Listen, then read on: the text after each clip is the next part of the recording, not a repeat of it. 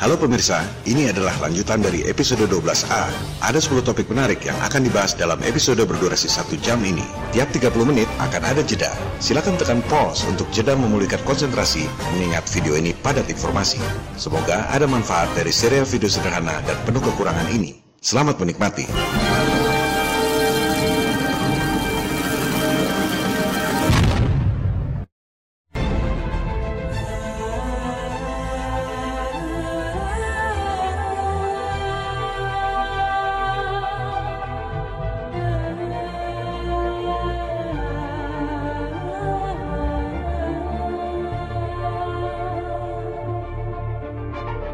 Banyak yang bertanya, matahari itu ada di atas kubah atau di bawah kubah?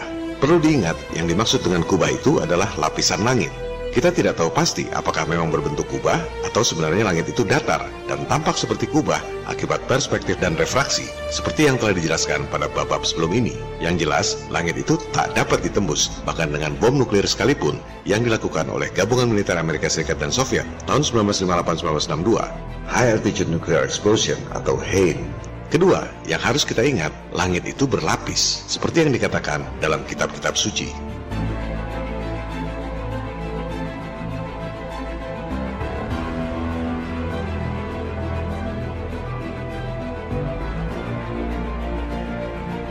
Ketiga, kita harus paham lapisan-lapisan atmosfer. Lapisan yang pertama adalah troposfer, dari permukaan tanah sampai ketinggian 15 km. Troposfer ini kandungan airnya 99,13% menghasilkan refraksi yang membuat matahari, bulan, bintang, dan kubah langit yang kita lihat itu bukan posisi dan ukuran yang sesungguhnya. Pesawat jet paling tinggi, terbangnya 51.000 feet atau 15 km di batas akhir troposfer. Hanya pesawat Concorde yang tercatat terbang di ketinggian 60.000 feet atau 18 km di atas lapisan troposfer. Suhu udara di ketinggian 15-20 km itu sekitar minus 60 derajat Celcius. Kemudian, jika Anda ingat istilah tropospheric scattering atau nama sandi militernya White Alice, di ketinggian 15 km itulah sinyal-sinyal telekomunikasi memantul kembali ke bumi tanpa satelit. Lapisan kedua adalah stratosfer. Jika Anda ingat episode 6, Profesor Picard adalah orang pertama yang melihat bentuk bumi dari ketinggian 23 km di stratosfer ini. Dalam testimoninya, Profesor Picard mengatakan bahwa bumi berbentuk seperti flat disk alias cakram datar. Lapisan ketiga adalah mesosfer dari ketinggian 50 km sampai 100 km. Di ketinggian 100 km inilah meteor selalu hancur ketika jatuh ke bumi. Tak banyak orang tahu bahwa yang namanya angkasa luar atau outer space itu sebenarnya batas atas mesosfer ini, 100 km yang disebut Kármán Line. Batasan luar angkasa ini mengacu pada hasil bom nuklir langit tahun 1958-1962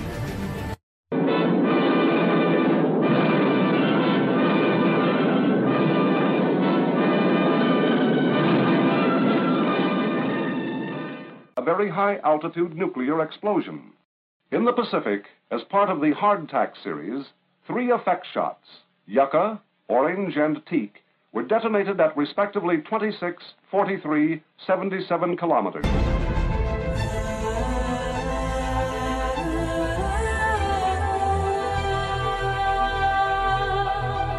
Ketinggian 100 km itu adalah batas kemampuan manusia pergi ke langit.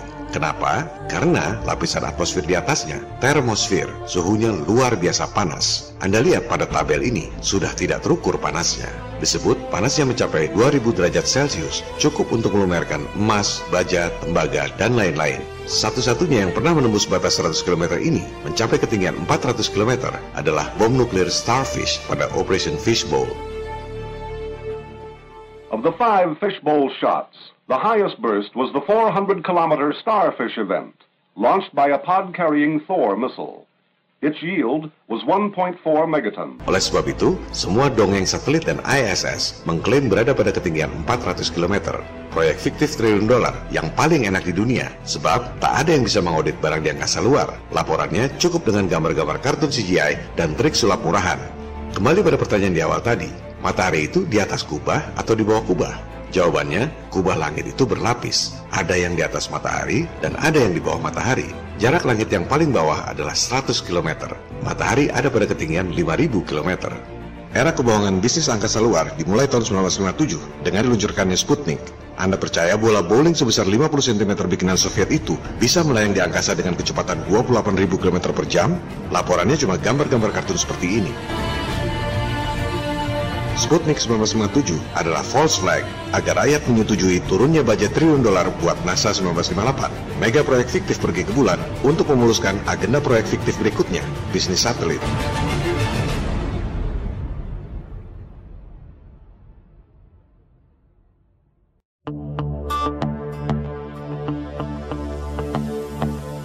Pertanyaan umum lainnya adalah, jika kubah bumi tak dapat ditembus bom nuklir, kenapa meteor bisa tembus? Bukankah banyak bukti-bukti meteor jatuh di bumi dan di bulan? Bukankah itu yang mengakibatkan dinosaurus punah 65 juta tahun lalu?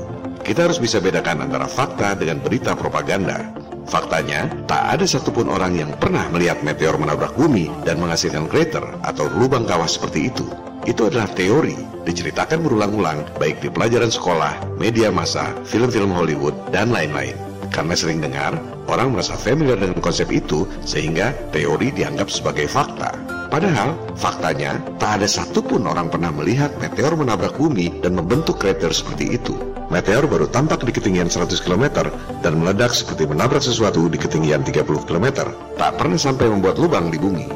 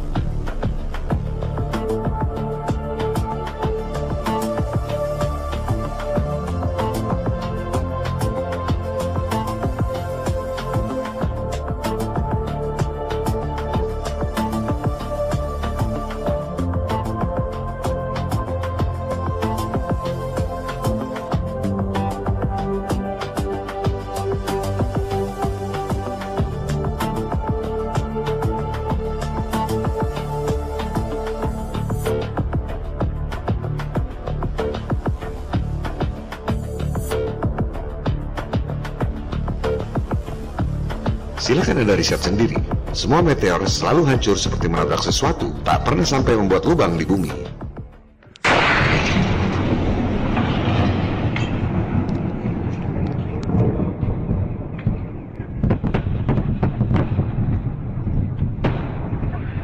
So the boom, the sound itself, shook the earth and broke the windows and scattered debris? Is that how that happened? Absolutely. We're talking about something that moves through a medium much faster. And I say medium, it's a little bit scientific term, but whatever it is around it, this case being the air.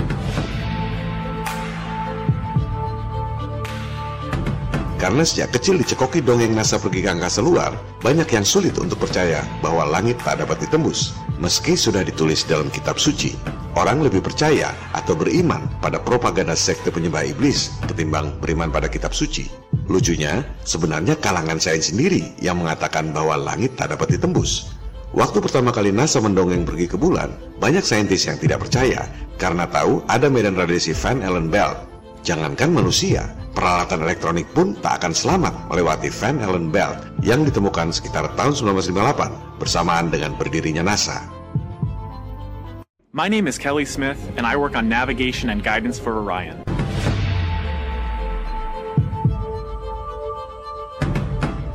As we get further away from Earth, we'll pass through the Van Allen belts, an area of dangerous radiation. Radiation like this could harm the guidance systems, onboard computers, or other electronics on Orion. Sensors aboard will record radiation levels for scientists to study. Baru mau pelajari radiasi Van Allen Belt, katanya NASA udah enam kali kirim manusia bolak-balik ke bulan. We must solve these challenges before we send people through this region of space.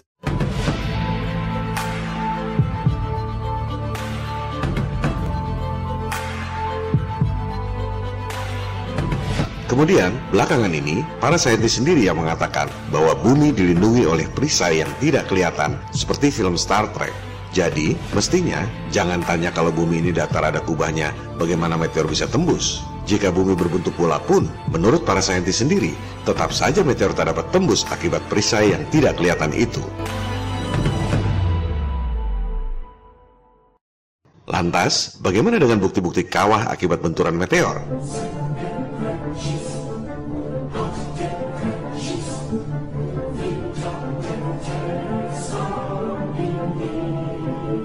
Lubang-lubang seperti itu disebabkan oleh dua hal. Pertama, lubang akibat ledakan nuklir. Silakan Anda search nuclear crater.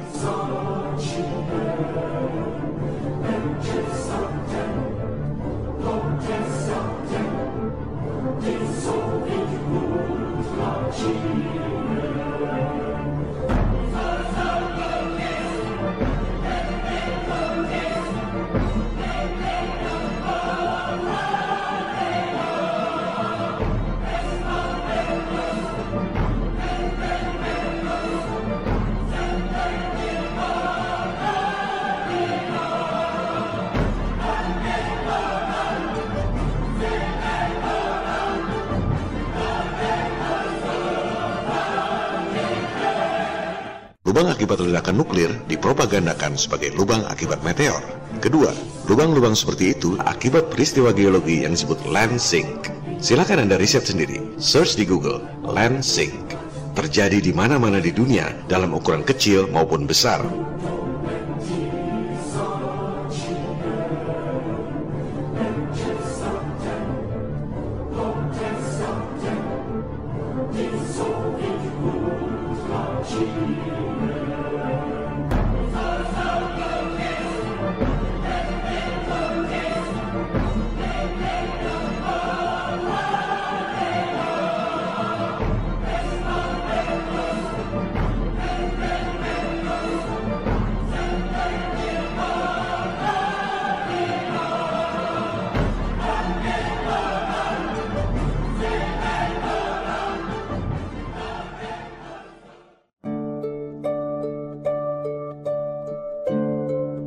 Sejak kecil diajarkan bahwa bintang adalah matahari. Bintang itu maha besar, jauh lebih besar dari matahari. Jangan percaya begitu saja dengan apa yang dikatakan oleh orang lain, termasuk oleh saya. Silakan Anda lihat sendiri. Gunakan teleskop atau kamera resolusi tinggi seperti Nikon P900. Anda akan terkejut melihat seperti apa bintang yang sesungguhnya. Tetaplah menjadi bintang di langit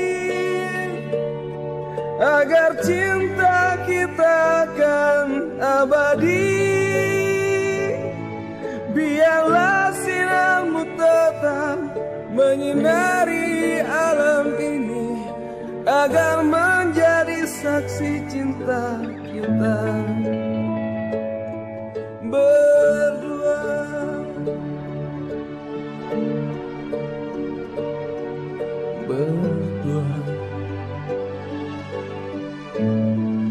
Coba lihat bintang ini. Bintang timur, Venus, the morning star. Bintang yang paling terang di langit, tapi tak pernah sampai ke atas, selalu balik ke bawah dan menghilang lagi di horizon. Dari sinilah timbul mitologi The Fallen Angel, malaikat yang paling brilian, tapi hendak menjadi Tuhan, sehingga tergelincir kembali. Sains mengatakan bahwa Venus yang bercahaya itu adalah planet untuk mendukung teori heliosentrik. Coba Anda lihat sendiri, seperti apa Venus itu sebenarnya.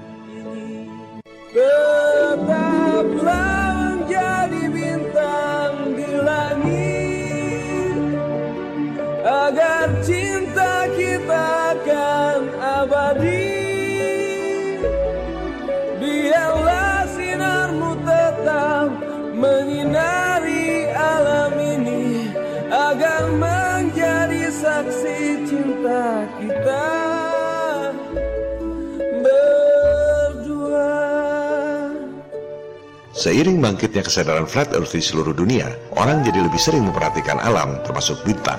Bintang bukan matahari, bintang bukan planet. Bintang adalah bintang, cahaya yang ada di langit. terasa indah bila kita terbuai dalam alunan cinta. Anda lihat sendiri, bintang itu sesungguhnya seperti cahaya di air. Hal ini mendorong orang untuk membuat eksperimen dengan menggunakan tabung air dan frekuensi suara. Gelombang suara itu membuat partikel-partikel air dalam tabung meledak, menciptakan panas dan cahaya. Tampilannya tampak seperti bintang. dapat terwujud dalam satu ikatan cinta. Silakan Anda riset sendiri, frekuensi suara dapat merubah bentuk air. Mungkinkah di atas langit itu air? Menurut kitab-kitab suci, memang di atas langit itu air.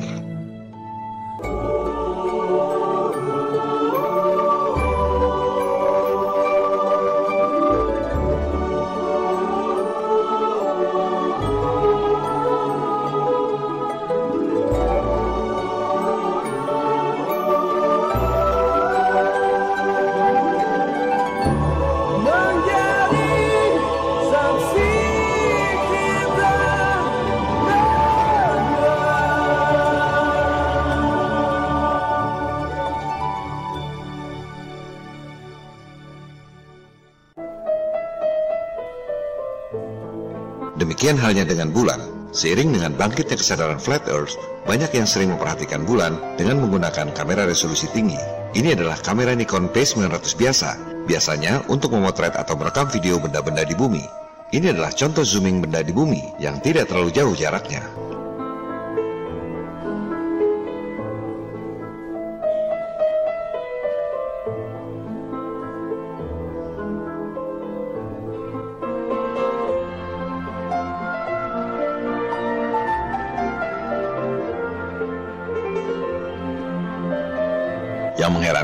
Kenapa kamera sederhana itu bisa menzoom bulan sampai begitu detail?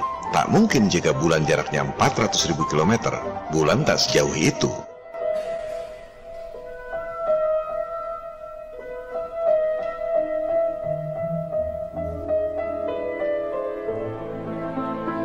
Perhatikan bagian bulan yang tak bercahaya. Mana mungkin itu bayangan bumi? Jelas sekali itu adalah langit yang ada di belakangnya. Mana ada bayangan berwarna biru?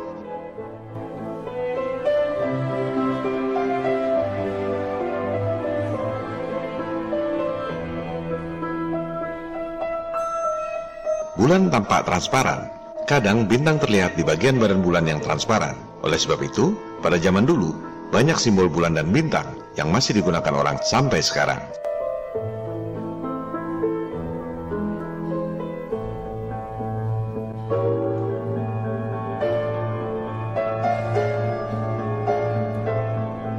Sebagian kalangan flat earth percaya bahwa sinar bulan akibat pantulan matahari. Ini harus bisa dibuktikan dengan eksperimen. Kita open mind saja, mencari kebenaran meski kebenaran itu tak sesuai dengan keinginan kita. Steve Torrance misalnya, percaya bahwa sinar bulan akibat pantulan matahari. Ia melakukan eksperimen pada model bumi datar dengan menggunakan data-data saintifik. Contohnya ini, tanggal 13 Maret 2017 lalu, bertepatan dengan tanggal 14 kalender Hijriah. Artinya, tengah bulan Hijriah itu sudah pasti bulan purnama. Secara konseptual, mungkin saja bulan purnama akibat pantulan sinar matahari yang posisinya tegak lurus seperti itu. Tapi itu cuma model animasi. Harus bisa dibuktikan dengan eksperimen bagaimana mungkin daratan di bawah bulannya gelap alias malam hari, tapi bagian bulannya terang benderang menjadi purnama. Sekali lagi, buktikan dengan eksperimen, bukan dengan pendapat dan opini. Apa pun hasilnya, kita harus terima. Sebelum bisa dibuktikan dengan eksperimen benda nyata, berarti itu cuma teori berdasarkan asumsi yang diperkuat model animasi. Sama saja seperti NASA. Contohnya soal gerhana yang diajarkan di sekolah. Teorinya, gerhana bulan akibat masuk bayangan bumi. Ada bayangan umbra dan penumbra. Kenyataannya, mana ada bayangan mengecil. Semakin jauh objek dari sumber cahaya, semakin besar bayangannya. Mana mungkin area gerhananya kecil seperti itu. Dan bagaimana mungkin jalurnya zigzag seperti itu? Sebaliknya, coba letakkan jalur gerhana itu pada peta flat earth. Mana yang lebih masuk akal buat Anda? Bagi yang percaya sinar bulan adalah akibat pantulan matahari, harus bisa membuktikannya secara empiris, baik lewat eksperimen nyata maupun dengan melihat fenomena nyata, posisi bulan dan matahari. Contohnya ini, matahari sudah hampir terbenam di horizon di bagian bawah. Tapi, fase bulan justru yang terang yang bagian atasnya. Hal ini tak mungkin terjadi jika sinar bulan akibat pantulan sinar matahari.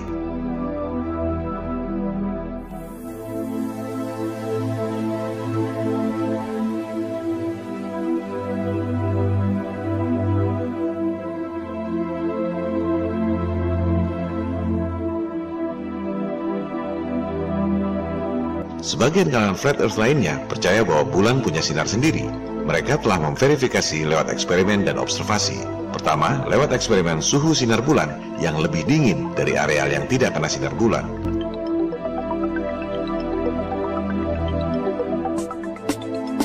Ini menunjukkan bahwa sinar bulan yang dingin merupakan polaritas dari sinar matahari yang panas. Matahari maskulin, bulan feminin, yin dan yang, divine balance energy. Kedua, lewat observasi. Perhatikan sinar bulan ini. Apakah itu pantulan sinar matahari atau bulan punya sinar sendiri?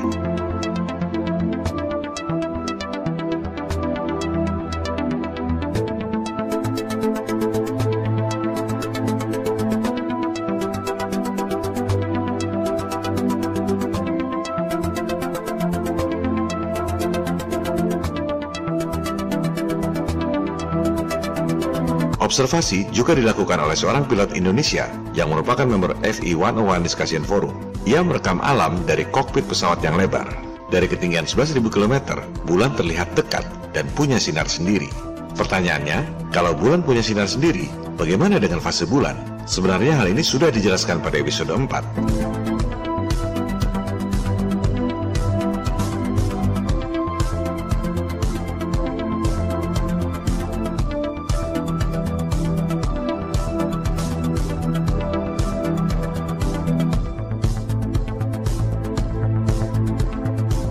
Ini adalah versi lain dari demo fase bulan akibat mekanisme internal dari bulan. Ambilkan bulan bu, ambilkan bulan bu yang selalu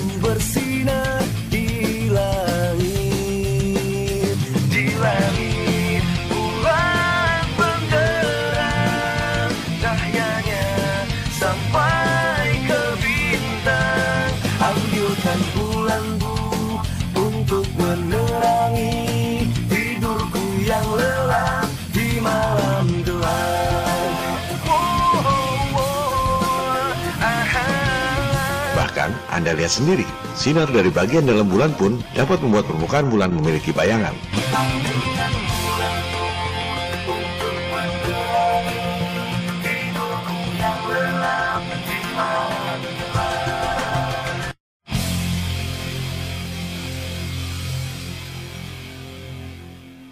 Ain't no sunshine when she's gone. Sebaliknya, buktikan bahwa fase bulan bisa terjadi pada sistem heliosentrik lewat demo benda-benda nyata, bukan cuma animasi dan perhitungan matematis.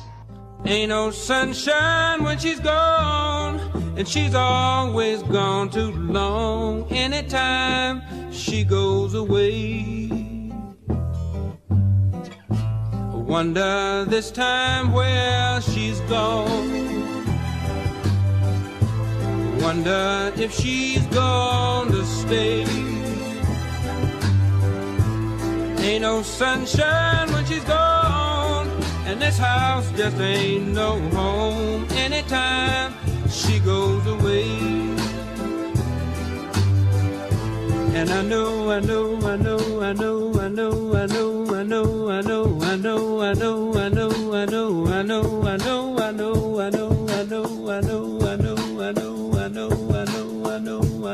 know, I know. Hey, I ought to leave the young thing alone, but ain't no sunshine when she. Mana ada bayangan umrah penumrah dari skala jarak seperti itu? Hal ini sudah dibuktikan oleh Anggoro Aji, member FI11 Discussion Forum, yang berprofesi sebagai pengajar. Only darkness every day. Ain't no sunshine when she's gone, and this house just ain't no home anytime goes away. Dengan skala jarak sesuai ajaran heliosentrik, titik umrah sudah hilang, tinggal penumbrahnya saja. Ain't no sunshine when she's gone, and this house just ain't no home anytime she goes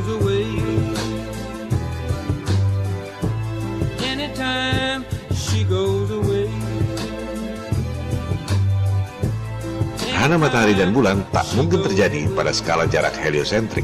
Di sinilah kebenaran akan terbukti dan kebohongan 500 tahun akan terbongkar.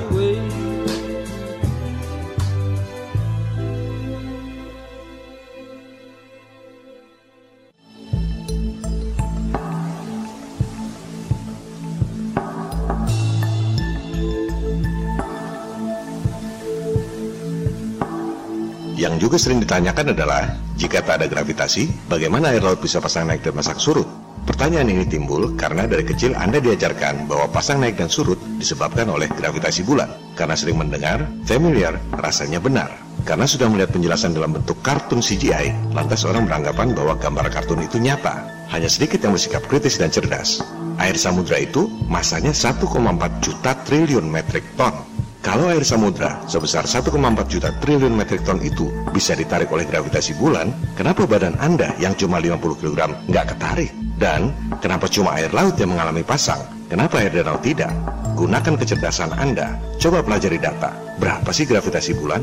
Bagaimana mungkin bulan yang katanya punya gaya tarik cuma 1,6 meter per second kuadrat, jaraknya katanya 400 ribu kilometer, bisa narik air laut yang masanya 1,4 juta triliun metrik ton? Sementara Anda yang beratnya 50 kg tidak tertarik sama sekali. Gunakan rumus gravitasi yang mana pun, bukan dengan opini dan fantasinya sendiri. Tak bakal bisa dijawab. Air laut pasang akibat gravitasi bulan adalah mitos yang tak bisa dihitung dan tak dapat dibuktikan di alam nyata. Itu bukan sains, itu adalah tahyul yang diajarkan berulang-ulang di sekolah. Coba dengarkan apa kata saintis Globe sendiri tentang mitos gravitasi penyebab air laut pasang. So, if gravity from the moon and the sun is really responsible for tides in the ocean, and water is water, then why don't we see tides in lakes? Yang mengalami air pasang hanya laut, tak berlaku untuk air tawar. Guess what? Whatever you believe about why ocean tides exist is probably wrong, even at the most basic level. Orang sering tak sadar bahwa pengetahuannya selama ini bisa saja salah. In fact, every YouTube video I've ever seen about tides, including ones made by smart people, explains the tides incorrectly. Wake up people, scientists sendiri sebenarnya salah dalam menjelaskan. Typically, they show this diagram along with an explanation that goes something like this The moon's gravity is stronger at point A and weaker at point B than it is at Earth's center. The net effect of this differential in the moon's gravity across the Earth is to stretch the oceans out like taffy, ergo, why the oceans bulge out at opposite points along the Earth moon line. Now, that explanation sounds plausible, and a lot of well known scientists give it, but as we'll see, it's not correct. Bahkan penjelasan yang sering disampaikan oleh saintis terkenal pun salah. What's wrong is the explanation for the bulges. They aren't actually being lifted or stretched by that gravitational differential. Something much more subtle is happening that even many professional astronomers and physicists misunderstand, including me for many years. Betapa naifnya jika orang berpikir apa yang dikatakan oleh saintis itu pasti benar. So don't feel bad. Tides are tricky. But today, we're going to set the record straight, and in the process, understand how it could be that the ocean has tides, but lakes, bathtubs, and cups of coffee don't. Lantas, kenapa bisa terjadi air laut pasang? Anda harus paham hukum fisika yang bernama diamagnetik, bahwa air itu menolak magnet.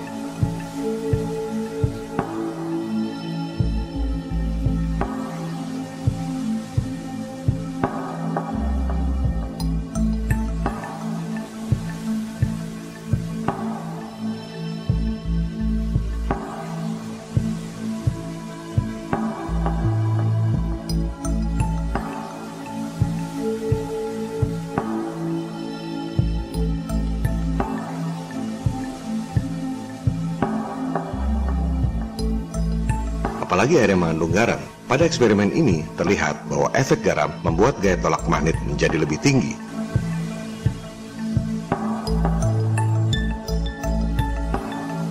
Itu sebabnya yang mengalami pasang naik surut adalah air laut, bukan air danau.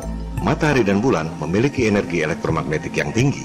Perputaran bulan dan matahari mengelilingi bumi mengakibatkan air laut bergelombang dan mengalami pasang naik dan pasang surut.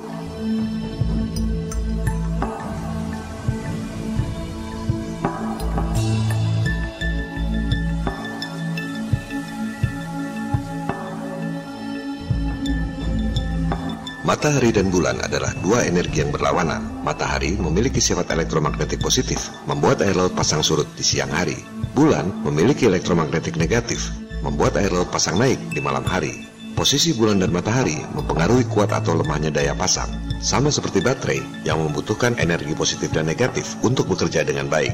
Ketika posisi bulan dan matahari pada titik terdekat dan terjauh, yaitu awal bulan dan tengah bulan Hijriah alias bulan purnama, air laut mengalami pasang yang lebih besar, disebut spring tide. Ketika posisi bulan dan matahari 90 derajat, sekitar tanggal 7 dan tanggal 21 Hijriah, daya pasangnya pada titik terendah disebut neap tide. Asal kata dari nip dalam bahasa Inggris kuno, artinya tanpa daya. Bukan hanya air laut pasang, tapi juga pusaran angin dan topan mengikuti pola pergerakan matahari dan bulan mengelilingi bumi datar. Ini adalah aksi dan reaksi antara bumi sebagai pusat alam semesta dengan matahari dan bulan. Daya elektromagnetik yang dimiliki oleh bumi membuat matahari, bulan, dan bintang-bintang berputar mengelilingi bumi. Sebaliknya, daya elektromagnetik matahari dan bulan mempengaruhi perilaku alam di bumi. Di samping faktor elektromagnetik, juga ada faktor frekuensi suara yang mempengaruhi air dan benda-benda lain di bumi.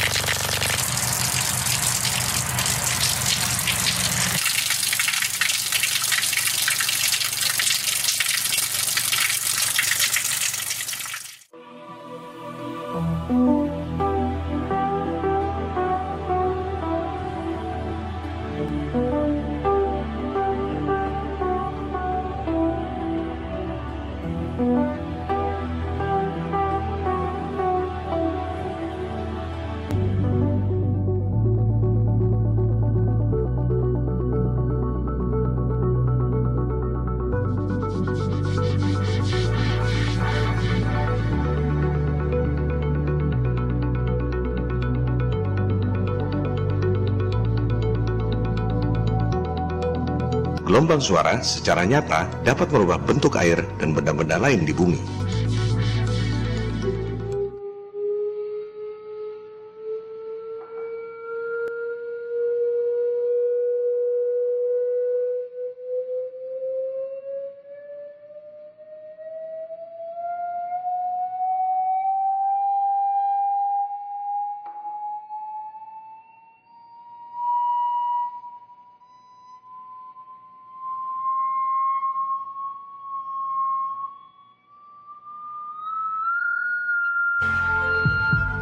Kesimpulannya, kombinasi dari gaya elektromagnetik dan frekuensi suara antara bumi, bulan, dan matahari mengakibatkan pusaran angin, gelombang air laut, pasang naik, dan pasang surut.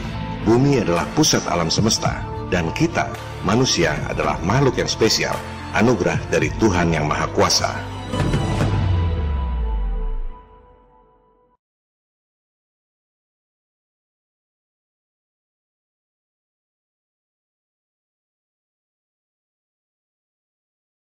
Perkembangan terakhir, saintis menemukan bahwa bukti-bukti saintifik berupa cosmic microwave background menunjukkan bahwa bumi adalah pusat alam semesta.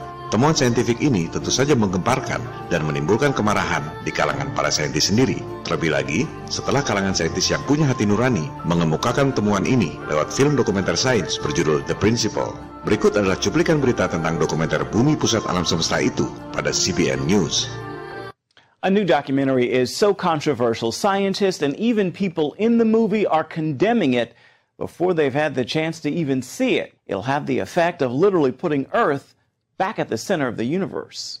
The principle goes to the very edges of the vast universe and to the latest science to present what its makers believe is solid evidence the whole universe is aligned with and circling around Earth and its Milky Way galaxy. As if the galaxies preferred to lie at some periodic spacing out from the Earth. This is sort of like saying that our galaxy is somewhere near the center of the universe, and when you look at the galaxies arrayed all around us, they're on sort of like giant um, shells.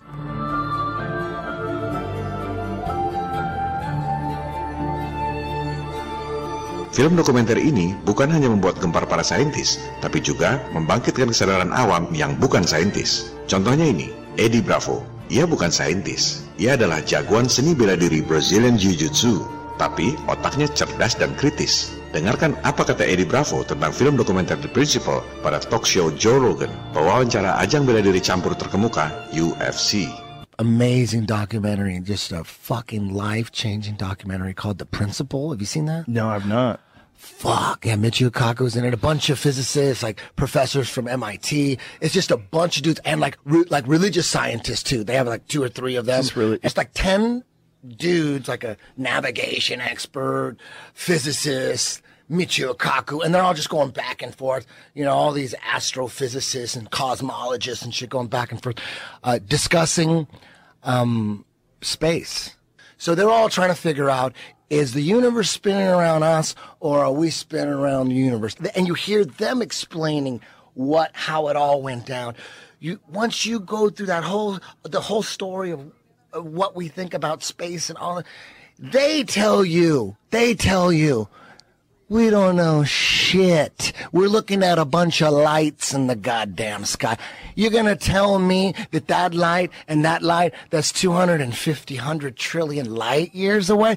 How the fuck did you figure that out? Eddie Bravo sadar, kok bisa kebohongan angkasa luar dipercaya oleh begitu banyak orang di dunia. Because anytime someone says anything about space, you automatically think someone figured it out. You don't know the guy's name. You don't know the name of the experiment. You didn't look into it yourself. You just think when someone tells you, how far is the earth from the sun? They'll say, oh, uh, 93 million miles away. Like you just, Right. you, you, Googled it. everybody relies on someone figured that out and someone double checked it. Dude, it's math. Right. It's science. It's math. But no one really knows. You're going on what you read and whatever hits you first. You mean Logika berpikir Eddie Bravo sama persis dengan pembahasan kita di episode 11. Juga persis dengan yang dikatakan oleh Nikola Tesla. Saintis modern hanya mengandalkan rumus matematika tanpa observasi dan eksperimen, asumsi di atas asumsi, hingga akhirnya membangun dogma heliosentrik yang tak ada hubungannya dengan alam nyata. So the problem with cosmology is that we keep inventing theories, uh, ad hoc theories, to try to explain the data, such as inflation, dark matter, dark energy, and so on, just to keep patching the theory up.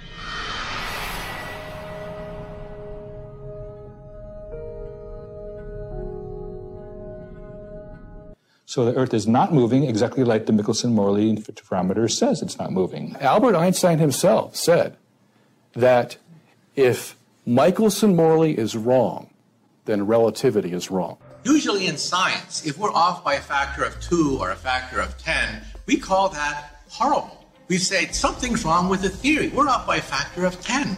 However, in cosmology, we're off by a factor of 10 to the 120. That is one with 120 zeros after it. This is the largest mismatch between theory and experiment in the history of science. Berikut adalah penjelasan Eddie Bravo dari kacamata awam tentang temuan mengejutkan bahwa cosmic microwave background menunjukkan bahwa bumi adalah pusat alam semesta. They took a picture, it's called a cosmic microwave background. It's a picture of all the galaxies through all the way around you and they took a picture. They did it in 2006. It's not a conspiracy. Th- this is a science documentary that I'm talking about. I'm not talking about a conspiracy theory documentary. It's a science doc. Michio Kaku was okay, talking what's about it called this. again? The Principle. Okay, The I'll principle. Check it it's called the Copernicus Principle. And what they found, this is what they found in in the first reading, and they thought there must be a mistake. There must be a mistake. Until 2013, the European Space Agency, they found the same thing. And this this is what right now cosmology, they don't know what the fuck to do. You What know what they found out? The find cosmic out? microwave background shows that all the galaxies are in, on shelves lined up to us. That we are this. We're at the fucking center. They don't know what to think about. This is in this documentary? It's a, that's what the documentary is about. Lantas, mengapa para saintis marah, berusaha menutup-nutupi dan membantah fakta saintifik yang menunjukkan bumi adalah pusat alam semesta? They built their careers on this, and it would be admitting a major mistake. This cosmic microwave background is like we are seeing the fingerprint of God, the hallmarks of the Creator. The idea that we, the Earth, or we humans, are nothing special, we're just a cosmic accident. Because if you're not in the center and you're out there somewhere where nobody has any signposts, this is where you are, uh, then that uh, uh, breeds a kind of atheistic view of the cosmos, you know, just time and chance got us here. And uh, so the Copernican principle is the mainstay of modern science today because it's basically atheistic. So if you find a center in that big mass, well, that means somebody had to make it that way. There's a designer behind it, you see. So that's why they want to get away from the center idea. Jadi, fakta saintifik cosmic microwave background menunjukkan bahwa bumi adalah pusat alam semesta. Di sisi lain, kita tak bisa pergi ke angkasa luar, hanya bisa mencapai 80 km dari permukaan bumi. Di atas itu, langit tak dapat ditembus dengan bom nuklir sekalipun. Kita tak bisa pergi ke bawah. Manusia cuma bisa membor bumi sedalam 12 km. Setelah itu, bumi terlalu keras hingga alat apa pun tak mampu menembusnya. Semua gambar-gambar inti bumi bola seperti ini adalah asumsi di atas asumsi yang ditunjang dengan gambar animasi. Tak ada yang tahu apa sebenarnya di perut bumi ini. Kita tak bisa pergi ke atas, tak bisa ke bawah, juga tak bisa pergi ke samping bumi, sebab kompas tak berjalan dengan baik di Antartika.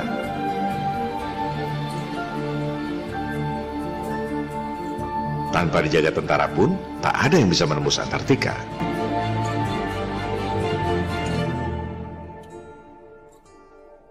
Jika langit tak dapat ditembus, matahari, bulan, dan bintang-bintang adalah benda-benda langit yang kecil mengelilingi bumi datar. Lantas, bagaimana dengan UFO dan alien?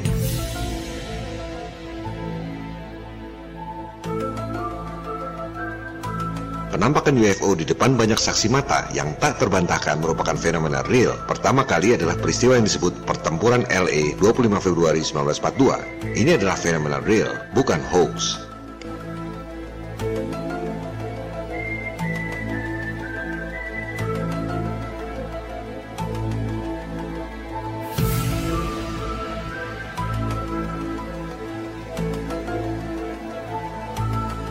Kisah nyata yang monumental berikutnya adalah peristiwa jatuhnya UFO di Roswell, New Mexico 1947. Soal jatuhnya benda asing di Roswell itu tak bisa dibantah karena banyak saksi. Yang dibantah adalah bendanya. Menurut militer Amerika Serikat, benda yang jatuh adalah balon udara.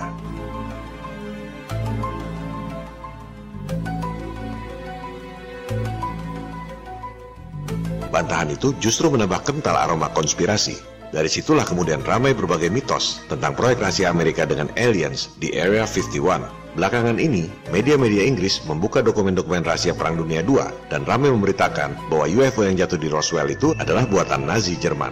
Para saintis Nazi memang canggih. Untuk memenangkan Perang Dunia, Nazi membuat banyak pesawat rahasia militer, termasuk piring terbang ini.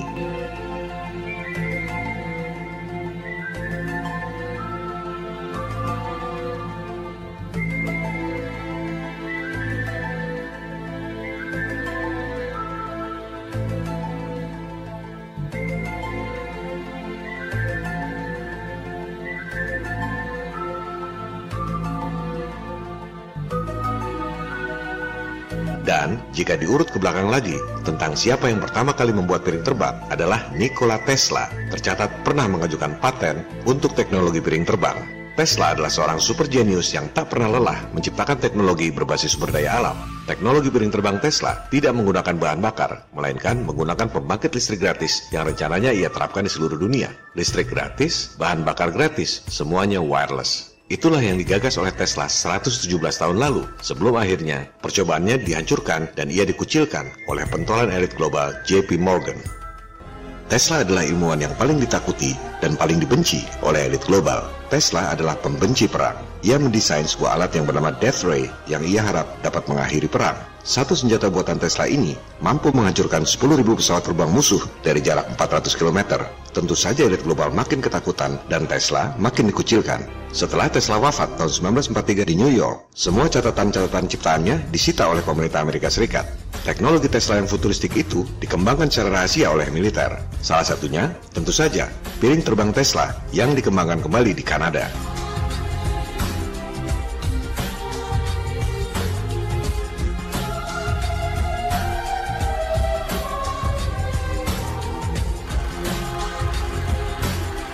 Temuan futuristik lainnya yang disita militer adalah alat pemindah benda atau manusia, yaitu teleport. Alat ini dikembangkan secara tidak sempurna oleh militer Amerika, melahirkan misteri Philadelphia Experiment 1947. Jika Anda menonton film Star Trek, ada alat teleport yang mampu membuat orang menjadi partikel dan pindah ke tempat lain. Inspirasinya adalah dari temuan nyata Tesla. Tesla adalah ilmuwan yang eksentrik yang tak terlalu memikirkan uang. Jika pembangkit listrik tetap jadi bisnis besar yang menguntungkan sampai saat ini, Tesla justru ingin membuat pembangkit listrik gratis di seluruh dunia. Ia pun tak peduli karyanya dicontek orang, karena merasa bahwa otaknya hanya sebuah receiver, seperti antena radio. Ia merasa hanya menangkap kecerdasan ilahiyah yang memang sudah ada di alam semesta ini, Divine Intellect. Dari karya tulisnya yang berjudul Talking with the Planets, kita bisa simpulkan bahwa Tesla memang bukan orang normal, melainkan paranormal. Karya piring terbang buatan Tesla itu pula yang kemudian dikembangkan oleh Nazi. Di samping mengembangkan teknologi UFO, Nazi Jerman juga merupakan negara pertama yang secara serius menjelajahi Antartika tahun 1938. Mereka menyimpan rahasia militer teknologi UFO dan penjelajahan Antartika ini. Kembali pada peristiwa penampakan UFO yang pertama kali diekspos, pertempuran LA 1942. Itu adalah UFO Nazi yang menyerang Amerika pada Perang Dunia II. Nazi memang superior dalam teknologi. Bom nuklir pun pertama kali dikembangkan oleh Nazi sebelum akhirnya disalip penyelesaiannya oleh Amerika. Ketika Nazi kalah perang tahun 1945, Amerika menyita info-info rahasia militer Jerman, termasuk teknologi UFO yang belum sempurna. Amerika merekrut lebih dari 1.600 saintis Nazi lewat program militer rahasia Operation Paperclip. Salah satu saintis Nazi yang direkrut adalah Werner von Braun, yang kemudian diangkat jadi direktur pertama NASA yang sukses membohongin dunia lewat moon landing hoax. UFO yang jatuh di Roswell 1947 adalah UFO Nazi yang disita oleh Amerika setelah menang perang. Jelas saja jatuh, karena teknologi curian itu belum sempurna. Dan jelas saja pemerintah Amerika membantah keberadaan proyek rahasia militer sitaan perang itu. Dari info sitaan perang itu pula, Amerika mendapat info rahasia tentang Antartika dan mengutus Admiral Byrd pergi ke Antartika dengan pasukan militer lengkap lewat Operation High Jump 1946-1947. Yang mengejutkan adalah dokumenter yang diedarkan oleh pihak Rusia. Pasukan Admiral Byrd terlihat diserang oleh UFO.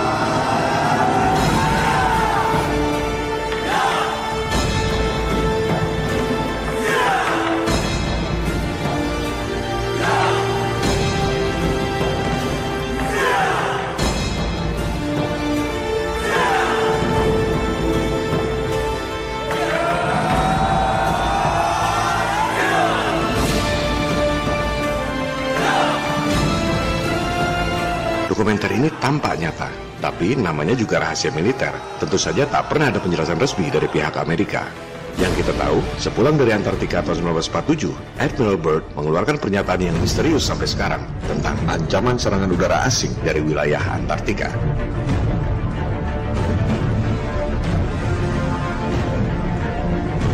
Antartika adalah proyek militer. Betapa naifnya jika orang-orang yang tak punya rasa peduli menganggap Antartika adalah proyek sains untuk kemaslahatan umat manusia di dunia. Silakan Anda lihat clipping-clipping tentang Antartika pada akhir dekade 50-an. Elit global sendiri yang mengatakan bahwa gagasan membentuk wilayah bebas seperti Antartika di bawah PBB adalah langkah menuju One World Government. New World Order.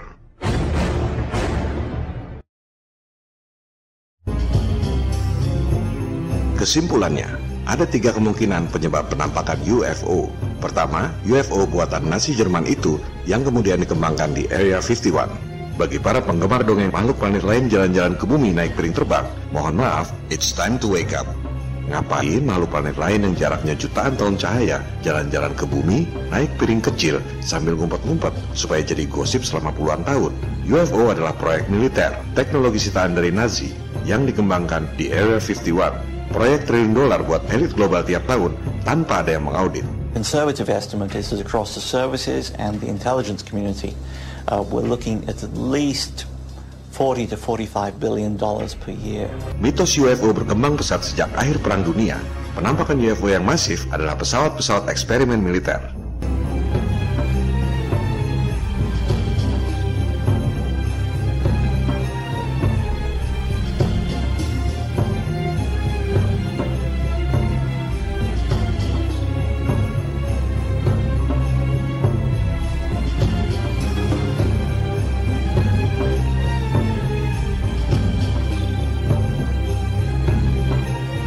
Ada yang meributkan, Area 51 dijadikan top secret daerah terlarang dan mitos-mitos UFO sengaja dikembangkan untuk mengalihkan isu.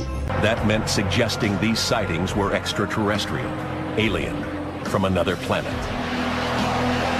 The Air Force um, consciously manipulated the UFO myth in order to provide cover um, for the black programs that it was developing. Every time you start talking about Area 51, somebody starts talking about UFOs and small grey aliens.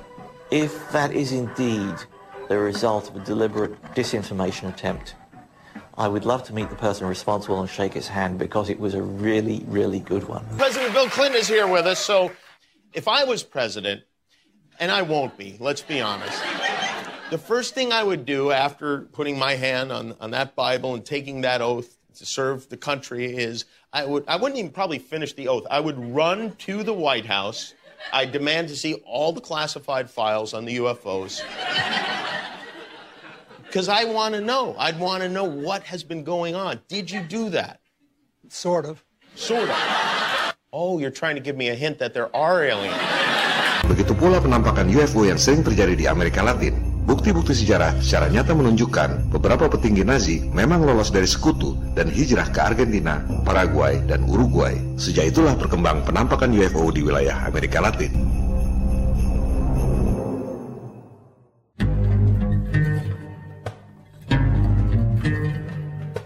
Kedua, UFO dan alien yang merupakan penampakan makhluk jin. Ada tiga orang yang sangat kredibel yang mengatakan bahwa alien itu adalah jin yang menyamar. Referensi pertama adalah Jack Valley. Ia adalah saintis komputer, penemu internet modern, pemodal venture capital, astronom, dan peneliti UFO selama 50 tahun terakhir. Ia menginterview banyak korban penampakan dan penculikan aliens. Ia tahu persis bahwa alien itu bisa tiba-tiba menampakkan diri atau materialized, dan tiba-tiba menghilang atau dematerialized. Aliens adalah jin. Fenomena penculikan oleh aliens di berbagai negara sebenarnya sama saja dengan kisah-kisah tradisional seperti di Gondol Wewe, Kuntilanak, atau Sundel Bolong. Referensi kredibel yang kedua, Syed Hussein Nasr. Ia adalah saintis lulusan MIT, doktor lulusan Harvard, dan sekarang menjadi profesor pusat pengkajian Islam di Washington University. Nasr adalah salah satu orang yang paling cerdas yang masih hidup yang pernah saya ketahui. Ia menghabiskan sebagian besar waktunya untuk mengkritisi sains modern yang dianggapnya merupakan penyimpangan dalam 300 tahun terakhir. Tentang alien, Nasser mengatakan bahwa penelitian tentang penculikan alien yang dilakukan oleh para akademisi yang kredibel di Amerika, termasuk yang dilakukan oleh Jacques Vallée selama puluhan tahun, sudah cukup untuk menunjukkan bahwa ada makhluk dari dimensi lain di alam semesta ini. Maksudnya adalah jin. Extraterrestrial bukan makhluk dari planet lain, melainkan makhluk dari alam lain. In other words, something coming from another dimension into our world, which is very commonly experienced in other cultures, but not in this culture. Referensi kredibel ketiga, Roger Morneau atau Hujie Morneau. Ia adalah mantan jemaat gereja setan yang kemudian insaf dan menjadi pendeta. Ia kemudian membongkar ajaran-ajaran yang ia peroleh dari gereja setan itu. He said the, the supposed spirits of the dead that you're talking with are demon spirits.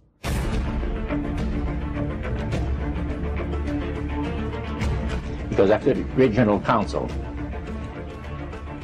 it was decided that Satan would tutor Charles Darwin personally in setting up the uh, uh, the principles of his theories of evolution. He was tutored by Lucifer himself, fallen Lucifer. According to the spirits, anyone that teaches a theory evolution is considered to be a minister of the great religious system spirits, demon spirits, will declare themselves to be inhabitants of far distant planets in the galaxies.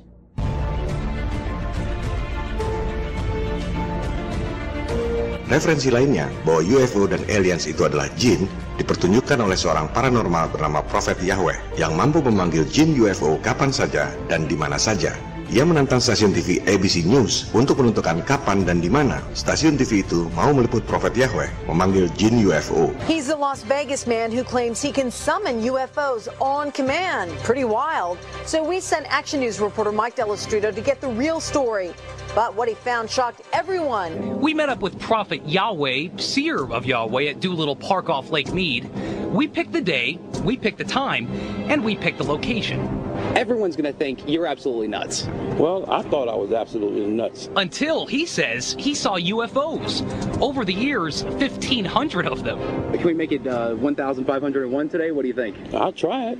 He says the voice in his head told him to go public now. So we took him up on his offer and we scanned the skies. Nothing but a few clouds. When the prophet started praying for a sighting, I wasn't exactly convinced. I pray, oh Yahweh, that you send a sighting so that they know that I am not mentally ill. I am not a false prophet. I see something straight up. Oh, brother, look at it. There it is. You can barely see it, a white speck. Then another sighting. There it is. I got it. I got it. I got it. I got it.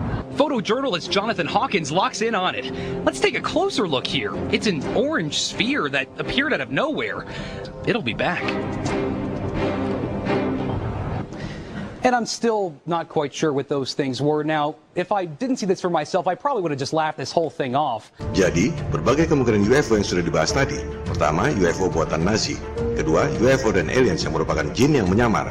Ketiga adalah propaganda UFO bikinan elit global melalui hologram raksasa di langit. Ini adalah bagian dari strategi elit global untuk menakut-nakuti umat manusia di dunia agar semua makhluk tunduk tanpa sadar pada elit global yang pura-pura bertindak sebagai pelindung dan penyelamat manusia.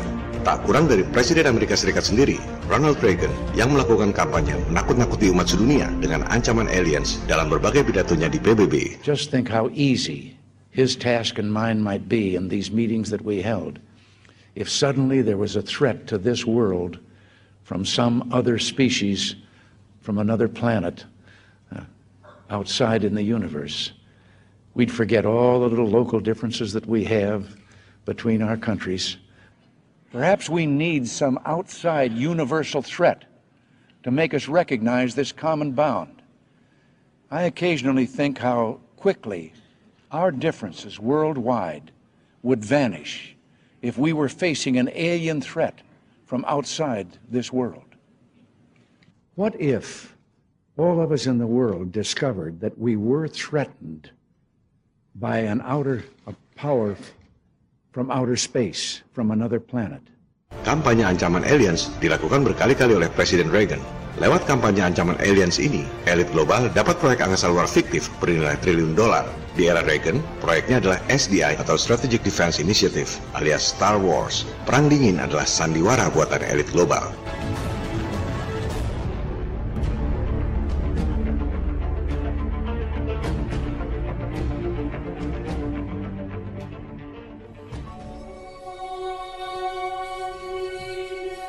Kembali pada Roger Morneau, mantan jemaat gereja setan yang insaf dan menjadi pendeta, membeberkan rahasia ajaran penyembah iblis. Perjanjian dengan iblis. Iblis akan memberi Anda kekayaan dan kejayaan. Namun, ketika mati, menurut dia, iblislah yang menjemput nyawa Anda. Anda akan jadi budak iblis lamanya di alam keabadian. We worship spirits. We worship Lucifer, the Lucifer and all his angels. They're just as beautiful as they did before they were cast out of heaven. He says there was a misunderstanding in the whole thing. He says among the inhabitants of the galaxies. And he says our master was misunderstood. And God did not bear with him like he does with, with people that make mistakes today.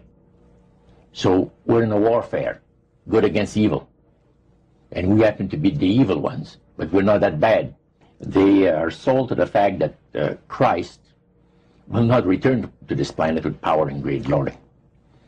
He's going to abdicate all claims to the planet because this, the high priest once said that uh, Christ will abdicate all claims to the planet because he knows that it is lawfully and rightfully Satan's. And at, and at that time, he says, Luc- uh, Lucifer, you, you, uh, you mentioned Lucifer a lot of times, but he mentioned Satan also. He says, the master, usually they, like to talk about the master, the master will resurrect his people from the grave. Kisah perjanjian dengan iblis ini ada di tiap kultur di dunia. Di Jawa misalnya, kita mengenal kisah babi ngepet. Pesugihan Gunung Kawi yang selalu meminta tumbal jiwa. Leak di Bali, dan lain-lain. Begitu pula di Asia, Australia, Afrika, Eropa, dan Amerika. Elit global adalah sekte penyembah iblis. Para pemimpin dunia melakukan ritual penyembahan iblis, antara lain di Bohemian Grove, lengkap dengan ritual pembakaran bayi. Mereka tak peduli dengan Anda, mereka tak peduli membohongi Anda soal satelit dan menguruk uang Anda melalui biaya telekomunikasi yang mahal. Mereka tak peduli membuat semua negara di dunia bangkrut akibat utang yang membengkak. Utang Amerika ini sudah 13 kali lebih banyak dari jumlah uang dolar yang diedarkan. Anda masih percaya pada dolar? Uang rupiah yang beredar 586,7 triliun. Sementara Bank Indonesia kasih utang ke negara-negara dan perusahaan-perusahaan elit global hampir dua kali lipat dari uang yang diedarkan pada rakyatnya sendiri.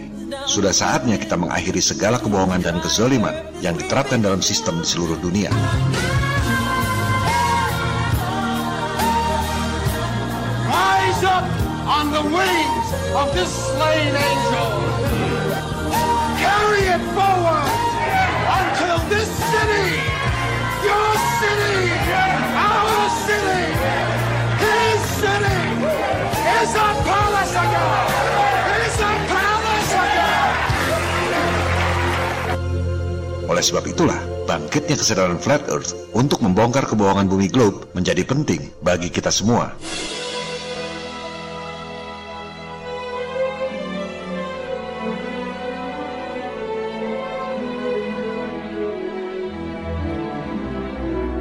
Kesadaran Flat Earth di seluruh dunia tumbuh secara eksponensial seperti terlihat pada fakta tabel Google Trends. Dan yang membanggakan, dari semua negara, Indonesia adalah nomor satu statistik Flat Earth di seluruh dunia, di atas Amerika, New Zealand, Australia, dan Kanada. Channel Flat Earth 101 kita ini bahkan masuk dalam lima besar dunia Flat Earth YouTube channel dari sisi jumlah viewers. Padahal channel kita baru satu tahun, yang lain sudah 2-5 tahun. Banyak channel tempat saya dulu mempelajari Flat Earth seperti Mark Sargent, The NASA Channel, Celebrate Truth, Saswar Bukti, Flat Earth Muslim, dan lain-lain yang videonya saya cuplik sudah terlewati semua viewersnya. Ini adalah prestasi Anda, Flat Earthers Indonesia. Begitu juga dari jumlah subscribers. Ternyata, dari jumlah subscribers pun, channel kita ini tetap lima besar dunia. Padahal, jika diperhatikan, saya tak pernah satu kali pun meminta pemirsa untuk subscribe. Kalau channel berita gosip sih nggak aneh, banyak viewers dan subscribersnya. Ini adalah channel yang sangat tidak umum dan menuai cibiran serta cacian. Mengapa bisa sebanyak ini? Hello slaves of the world. For the past two years, a seemingly crazy group of people called Flat Earthers have been growing in large quantities. I assure you that there is a reason for this. If the flat earth theory did not have any merit, it would not have lasted more than a month on the web. Now, evidence for the flat and motionless earth seems to pop up every day, along with more people waking up to the facts. Everything you think you know about the universe is a lie. Fantastic theories passed off as factual information. Gravity is nothing more than a scapegoat to explain why you're able to travel hundreds of thousands of miles per hour on a spinning ball without falling off. The funny thing is that motion has never once been detected in all the time that we've been here on Earth. Curvature has not been measured either. NASA receives billions of tax dollars each year, and all they have to show for it is composite images that look like cartoons. The six lunar landings that were purported to have taken place between 1969 and 1972 were intended to reinforce the belief of living on a spinning ball. Waktu pertama saya bikin serial video ini, saya pikir jika dari 10 orang ada dua orang saja yang tergerak hatinya, saya sudah sangat bersyukur.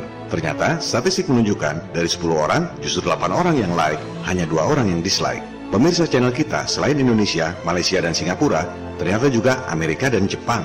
Padahal serial video ini berbahasa Indonesia. Para trolls dan haters memfitnah bahwa saya hanya bikin sensasi untuk cari uang. Well, kita buktikan, saya tak menerima uang sepeser pun dari serial video ini. Alhamdulillah, Tuhan memberi saya rezeki yang cukup, sehingga tak perlu bikin sensasi buat cari uang.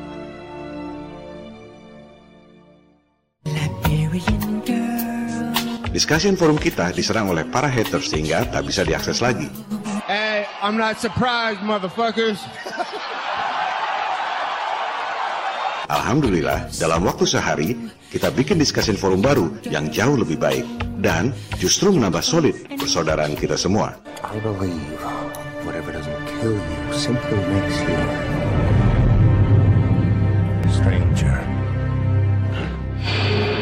Antusiasme Flat Earthers Indonesia sungguh luar biasa. Mereka membuat grup-grup WA, FB, dan lain-lain sebagai sarana komunikasi. Ada tingkat nasional, ada tingkat regional di daerah-daerah. Saya sama sekali tidak terpikir bisa seperti ini. Terima kasih buat rekan-rekan admin, moderator, dan members FI 101 yang tak dapat disebut satu persatu. Terima kasih atas perhatian, dukungan, dan doa-doa tulusnya. Saya merasa tidak pantas mendapat semua ini. I love you,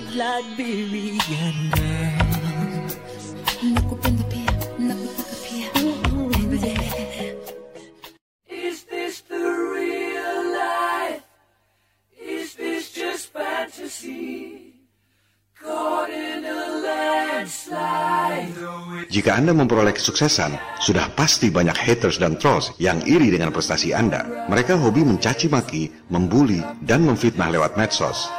Here's Johnny. Orang kalau nggak setuju ya nggak setuju aja. Kenapa harus terobsesi dengan kita? So let me tell you a little secret about trolls. Menurut media Psychology Today, troll adalah psikopat narsis yang sadis. Troll adalah psikopat yang tak punya empati. Mereka mendapat kepuasan dengan menghina dan memfitnah orang lain yang sebenarnya kenal pun tidak. Bagaimana menghadapi para trolls? Ada inspirasi yang bagus dari seorang petarung UFC, Conor McGregor. Ia adalah satu-satunya orang yang bisa jadi juara di dua kelas yang berbeda pada saat yang bersamaan. Ia adalah petarung yang bikin UFC laku secara komersial. Tentu saja banyak yang benci dan iri. Suatu ketika, ia diwawancara untuk menanggapi para haters di Twitter. Dan beginilah cara dia menghadapi trolls. I'd happily watch Conor McGregor die. Conor McGregor makes me so embarrassed of being from Dublin. Like, I'd rather admit to being from the same city as Nicky Bourne. Who's Nicky, a man from Westlife? Ah, he's alright. He's alright. Katie Hopkins and Conor McGregor vying for the accolade of being the worst human being alive, I reckon. Who's Katie Hopkins? Say what you want to me, yeah? I'm bulletproof. And if you're in this game, you must be bulletproof. Conor McGregor is so ugly that he pains my eyes. Conor McGregor is an arrogant scumbag, and I sincerely hope somebody on his poorly fitted suits. Whatever, the suits are fit good. Whatever about everything else, maybe there's a case, but the suits fit good. Uh, thank you, everybody. I enjoyed reading your mean tweets. I will wipe my tears with my money and carry on. Thank you so much.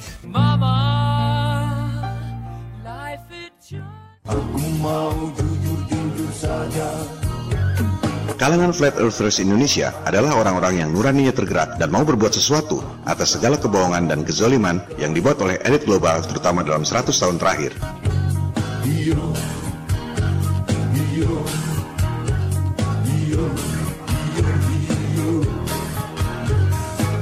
Member FI 101 lainnya, 321, membandingkan video tayangan peluncuran satelit Brisat dan Telkom yang baru lalu. Coba Anda lihat sendiri, cuma gambar kartun CGI, copy paste lagi, cuman ganti logo doang. BRI dan Telkom bayar triliunan rupiah. Elit global penjual satelit begitu malasnya, bikin video peluncuran saja maunya copy paste. Dan biaya triliunan rupiah itu dibebankan pada Anda, para konsumen di negeri berpenduduk banyak.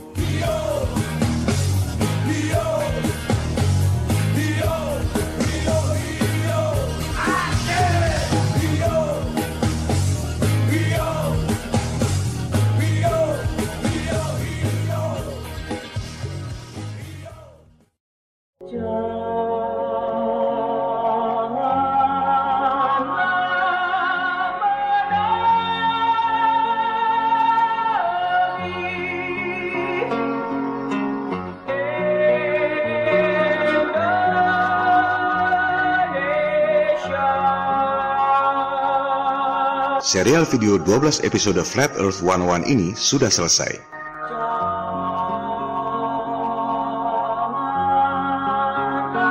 One One adalah istilah untuk pengetahuan yang paling mendasar yang digunakan sebagai mata kuliah tingkat dasar di universitas. Tugas saya sudah selesai. Selanjutnya, tinggal bagaimana Anda, para pemirsa, mengembangkannya hingga berguna bagi masa depan anak cucu kita agar lepas dari kebohongan dan kezaliman elit global.